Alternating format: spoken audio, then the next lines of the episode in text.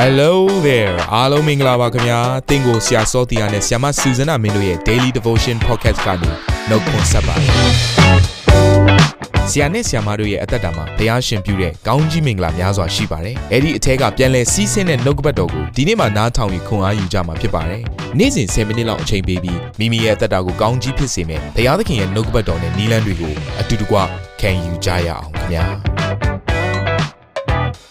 အားလုံးကိုမင်္ဂလာပါလို့နောက်တစ်ချိန်နှုတ်ခွန်းဆက်ပါတယ်ကျွန်တော်တို့ဒီတပတ်တာကာလအတွင်းမှာဒုက္ခကိုတီးခန့်ခြင်းဆိုတဲ့နှုတ်ကပတ်တော်အဖြစ်လေ့လာနေကြတာဖြစ်ပါတယ်အဲ့တော့ဒီနေ့တတိယနေ့အတွက်ခေါင်းစဉ်ကတော့စုံစမ်းစစ်ဆေးခြင်းနှမျိုးဆိုတဲ့ခေါင်းစဉ်အဖြစ်နှုတ်ကပတ်တော်ကိုကျွန်တော်အတူတူကခံယူကြရအောင်အဲ့တော့ဒုက္ခဆင်းရဲကိုတီးခန့်ခြင်းဆိုတဲ့အရာဟာဘုရားသခင်ကျွန်တော်တို့ကိုရင့်ကျက်စေဖို့ရန်ပြင်ဆင်တော်အရာဖြစ်ပါတယ်အဲ့တော့ဘုရားသခင်ကကျွန်တော်တို့ကို စုံစမ်းစစ်ဆေးခြင်းဆိုတဲ့အရာကိုအမြဲတမ်းလုပ်ပါတယ်ဣသရေလလူမျိုးတွေကိုအေဂုတုပြည်ကနေခါနန်ပြည်ကိုပို့တဲ့လမ်းတစ်လျှောက်လုံးမှာဘုရားသခင်ဟာနော်ဆယ်ချိန်စစ်ဆေးခြင်းစုံစမ်းခြင်းဆိုတဲ့အရာကိုလှုပ်ဆောင်ပါတယ်အဲ့တော့ဘုရားသခင်ကစုံစမ်းတဲ့အခါမှာအခြေအနေနှစ်မျိုးတည်းမှာစုံစမ်းပါတယ်ပထမတစ်ခုကဘာလဲဆိုတော့အခက်ခဲဆိုတဲ့ခက်ခဲခြင်းထဲမှာစုံစမ်းတယ်ဒုတိယတစ်ခုကတော့အင်မတန်မှလွယ်ကူတက်တာခြင်းဆိုတဲ့အခြေအနေထဲမှာလည်းစုံစမ်းပါတယ်လို့အဲ့တော့ဒီနေ့စုံစမ်းစစ်ဆေးခြင်းဒီနှမျိုးကို ကျမ်းစာအဖြစ်ကျွန်တော်တို့လေ့လာဖို့ဖြစ်ပါတယ်အဲ့တော့လူကာခရစ်ဝင်အခန်းကြီး၈ထဲမှာယေရှုခရစ်တော်ပြောတဲ့အာအဖြစ်ပြက်လေးတစ်ခုရှိပါတယ်เนาะသူကနှုတ်ကပတ်တော်ကိုသင်တဲ့အခါမှာဥပမာတွေနဲ့ပေးပြီးတော့သင်ပါတယ်အဲ့တော့ဒီဥပမာထဲမှာတော့မြေအမျိုးအစားလေးမျိုးအဖြစ်ယေရှုခရစ်တော်ကတုံတင်တဲ့အခါမှာကျွန်တော်တို့ဒီနှလုံးသားမြေပေါ့နော်နှုတ်ကပတ်တော်ခံယူတဲ့နှလုံးသားမြေနှစ်ခုကိုကျွန်တော်တွေ့ရပါလိမ့်မယ်တစ်ခုကတော့နော်ခက်ခဲတဲ့အရာမျိုးကိုတွေ့ရပြီးတော့နောက်တစ်ခုကတော့ လွယ်ကူတဲ့နော်အခြေအနေတစ်ခုထဲမှာကျွန်တော်တို့အာတွေ့ရမှာဖြစ်ပါတယ်ဒါကြောင့်ကျမ်းစာကိုအရင်ဆုံးဖတ်ချင်ပါတယ်ပထမတစ်ပိုင်းကတော့ဇလံဖြစ်တယ်เนาะသူပြောပြတယ်ယေရှုခရစ်တော်သင်ပေးတဲ့အရာဖြစ်တယ်ဆိုတော့ဥပမာပေးတယ်အဲ့ဥပမာရဲ့အ내ဒိတ်ဘယ်ကိုကြတော့နောက်ထပ်တစ်ခါသူကတပည့်တော်တွေကိုပြန်ရှင်းပြပါတယ်ဒါကြောင့်ပထမပိုင်းကိုအရင်ဆုံးဖတ်ချင်ပါတယ်များစွာသောလူပေါင်းတို့သည်မြို့ရွာအရရတို့မှအထံတော်သို့လာ၍စုဝေးလျက်ရှိကြသောအခါဥပမာစကားအားဖြင့် မွတ်ဆိုတော်မူသည်မှာမျိုးစေ့ကျဲသောသူသည်မျိုးစေ့ကိုကျဲခြင်းကထွက်သွား၏အစိတ်ကိုကျဲသည်တွင်အချို့သောအစိတ်တို့သည်လမ်း၌ကြသဖြင့်ကြော်နှင်းခြင်းကိုခံရ၍မိုးကောင်းကင်ငှက်တို့သည်ကောက်စားကြ၏အချို့သောအစိတ်တို့သည်ကြောက်ပေါ်၌ကြသဖြင့်အပင်ပေါက်သောအခါမြေဩဇာမရှိသောကြောင့်ညှိုးနှွမ်းပျက်စီးခြင်းသို့ရောက်ကြ၏အချို့သောအစိတ်တို့သည်စူးပင်တို့တွင်ကြသဖြင့်စူးပင်တို့သည် အတူပေါက်၍ညှင်းဆဲကြ၏ အချို့သောအစိတ်တို့သည်ကောင်းသောမြေ၌ကြသဖြင့်အပင်ပေါက်၍အစတရာပွားများ၍အတီးတီးကြဤဟုမိန်တော်မူပြီးမှကြားเสียနာရှိတော်သူမြည်သည်ကကြားပါစေဟုကြွေးကြော်တော်မူ၏အဲ့တော့ဒီလုကာခရစ်ဝင်ခန်းကြီး၈အငယ်၄ကနေเนาะ၈ကိုကျွန်တော်ကြည့်လိုက်တဲ့အခါမှာအမျိုးအစား၄မျိုးကိုတွေ့ရတာပေါ့အသက်တာ၄မျိုးနှလုံးသား၄မျိုးတွေ့ရတာပေါ့အဲ့ထဲမှာနှစ်ခုကတော့เนาะတစ်ချိန်ဒီအဖွဲနှစ်ဖွဲပေါ့เนาะဒီနှလုံးသားအခြေအနေနှစ်မျိုးကတော့ပထမတစ်ခုမှာတော့ သူကအာခက်ခဲတဲ့အခြေအနေစုံစမ်းနှောက်ယှက်ခြင်းကိုခံရတဲ့အခြေအနေဒုက္ခဆင်းရဲဆိုတဲ့အရာပေါ့နော်ဒါစုံစမ်းနှောက်ယှက်ခြင်းတစ်မျိုးဖြစ်တယ်။ဒါကနောက်ထပ်တစ်မျိုးကကြတော့အာစုံစမ်းနှောက်ယှက်ခြင်းပဲဒါပေမဲ့သူကဘာနဲ့လာလဲဆိုတော့အခက်ခဲမှုဆိုတာထက်သူကလောကစီးစိမ်ကြွယ်ဝခြင်းဆိုတဲ့အရာနဲ့လာတာဖြစ်တယ်။ဆိုတော့ဒီဖြစ်ပျက်လေးကိုသူကပြောပြီးသွားတဲ့ခါမှာယေရှုခရစ်တော်သူ့ရဲ့တပည့်တော်တွေကိုအတိတ်ဘယ်ကိုလည်းပြန်ပြောပြပါတယ်เนาะအဲ့ဒီထဲမှာအဖြေပါတဲ့အတွက်ကြောင့်မလို့ကျွန်တော်ဒီ ပြန်ရှင်းပြထားတဲ့လူကာခရစ်ဝင်ခန်းကြီး၈ထဲမှာပဲရှိတဲ့အငယ်၁၁ကနေ15ကိုဖတ်ချင်ပါတယ်။ထိုဥပမာအနဲ့အတိတ်ဘယ်ကမျိုးစေ့သည်ဘုရားသခင်တရားစကားဖြစ်၏။လမ်း၌ရှိသောသူကတရားစကားကိုကြားသည်ရှိသောယုံကြည်ခြင်းကဲ့တင်ခြင်းတို့မရောက်စေခြင်းကမာနသည်လာ၍တရားစကားကိုနှလုံးထဲမှနှုတ်ယူသောသူကိုဆိုလိုသည်။ကြောက်ပေါ်၌ရှိသောသူကတရားစကားကိုကြား၍ဝမ်းမြောက်သောစိတ်နှင့်ခံယူတော်လဲစိတ်နှလုံး၌အမြင်မဆွဲခဏသာယုံကြည်သဖြင့်စုံစမ်းနှောက်ယှက်ခြင်းကိုခံရသောအခါ ဖောက်ပြန်တော်သူကိုဆိုလိုသည်။စူးပင်တို့တွင်ရှိသောသူကတရားစကားကိုကြားသိရှိသောလော်ကီဆိုရင်ချင်းစီစဉ်ကြွယ်ဝခြင်းကာမဂုဏ်ခံစားခြင်းတို့သည်နှိပ်စက်၍အတိမတိသောသူကိုဆိုလိုသည်။ကောင်းသောမြေ၌ရှိသောသူကဖြောင့်မတ်စင်ကြယ်သောစိတ်နှလုံးနှင့်တရားစကားကိုကြားလျင်ဆွဲလန်းသောအဖြစ်မြဲမြံစွာအတီးတီးသောသူကိုဆိုလိုသည်။အဲ့တော့ဒီဒုတိယအုပ်စုနဲ့တတိယအုပ်စုပေါ့နော်အခုဒီထဲမှာဆိုရင်အာလေးအုပ်စုပါတာကိုနော်ပထမနဲ့နောက်ဆုံးမဟုတ်ဘဲနဲ့ ဒုတိယနဲ့တတိယအုပ်စုကိုကျွန်တော်ကြည့်လိုက်မယ်ဆိုရင်ဒုတိယအုပ်စုကဘာလဲဆိုတော့နှုတ်ကပတ်တော်ကိုသူရတယ်နော်သူခံယူတယ်ဝမ်းမြောက်သောစိတ်နဲ့ခံယူပေမဲ့စုံစမ်းနှောက်ယှက်ခြင်းလာတဲ့အခါမှာသူသူ့ထက်မှာအမြင့်မဆွဲတဲ့အတွက်ကြောင့်မလို့သူဟာရိမ့်ရိုင်နေဖောက်ပြန်နေအဲ့တော့ဒီစုံစမ်းနောက်ချက်ချင်းကသူ့အတွက်ခက်ခဲတယ်ပင်ပန်းတယ်ဆင်းရဲတယ်အဲ့တော့နှုတ်ကပတ်တော်ထဲမှာသူမရက်တည်နိုင်ဘူးဖောက်ပြန်တဲ့သဘောရှိတယ်တတိယတအုပ်စုကတော့သူကဘယ်လိုပုံစံမျိုးလဲဆိုတော့နှုတ်ကပတ်တော် ကြားတယ်တရားစကားကိုကြားတယ်ဒါပေမဲ့ဘာရှိလဲဆိုတော့ logi အမှုရေးမှာသူကစိုးရိမ်ခြင်းရှိတယ်ပူပန်ခြင်းရှိတယ်။အဲကြောင့်သူ့ရဲ့အာယုံကဘယ်ကိုရောက်သွားလဲဆိုတော့နော် logi စီးစိမ်ကာမဂုဏ်ခံစားခြင်းဆိုတဲ့နော်တက်တောင့်တက်တာဖြစ်ခြင်းပေါ့နော်ဒီလောကရဲ့ကြိုက်နှစ်သက်တဲ့စီးစိမ်ဆိုတဲ့တာယာခြင်းတွေပျော်မွေ့ခြင်းတွေထဲမှာသူကရောက်သွားပြီးတော့သူ့ရဲ့အသက်တာမှာလည်းအမြင့်ဆွဲခြင်းမရှိဘူးအပင်ပေါက်အသီးသီးခြင်းမရှိဘူးဆိုတော့ကျွန်တော်တွေ့ရလိမ့်မယ်။ကဲဘယ်လိုလူတွေကအပင်ပေါက်အသီးသီးပြီးတော့အသက်တာမှာခိုင်ခံ့လဲဆိုရင် တရားစကားကိုကြားလင်ဆွဲလန်းသောအဖြစ်တဲ့နော်ဆွဲလန်းတယ်တော့ဒီဟာလေးကိုအင်္ဂလိပ်ကျမ်းစာထဲမှာကြည့်လိုက်မယ်ဆိုရင်သူက perseverance လို့ဒီလိုလေးရေးထားတယ်အတိတ်တွေကတော့ patient သိခံတာ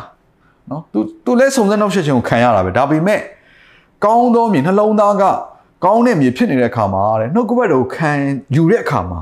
အမြင့်ဆွဲတယ်နော်အဲအဲ့အမြင့်ဆွဲခြင်းဟာဘာနဲ့သက်ဆိုင်လဲဆိုတော့ patient သီးခံခြင်းဘာကိုသီးခံတာလဲအဲ့ဒီစုံစမ်းနောက်ချက်ချင်းခံရတဲ့အချိန်မှာကောင်းတဲ့အခြေအနေမှာပဲဖြစ်ဖြစ်ဆိုးတဲ့အခြေအနေမှာပဲဖြစ်ဖြစ်သူကအားလုံးကိုသီးခံခြင်းနဲ့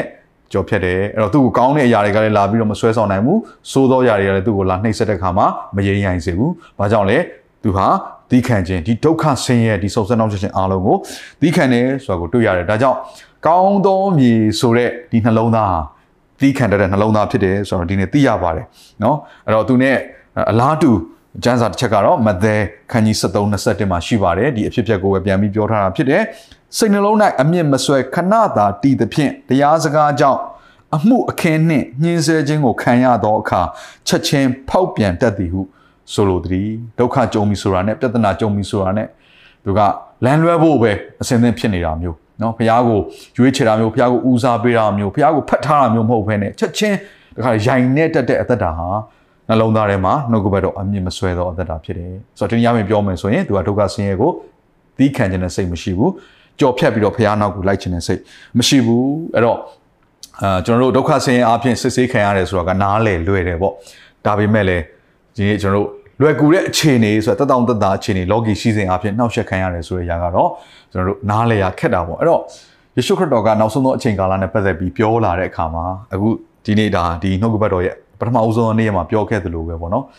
အာနောက်ဆုံးသောအချိန်ကာလမှာအလိုအဆုံးသောအရာကတည်ကြည်ခြင်းဖြစ်တယ်နော်ဆိုတော့ဒါဟာသီးခံခြင်းအဖြစ်ဒုက္ခဆင်းရဲကိုကြော်ဖြတ်ခြင်းလည်းဖြစ်တယ်အဲ့တော့နောက်ဆုံးသောအချိန်ကာလနဲ့ပတ်သက်ရင်ယေရှုခရစ်တော်ပြောပြတဲ့နှိုင်းရှင်လိုက်တဲ့ခေတ်နှစ်ခေတ်ရှိပါတယ်အဖြစ်ပြနှစ်ခုရှိပါတယ်နောက်ပထမတစ်ခုကတော့ဘာလဲဆိုတော့နော်အေးလက်ထက်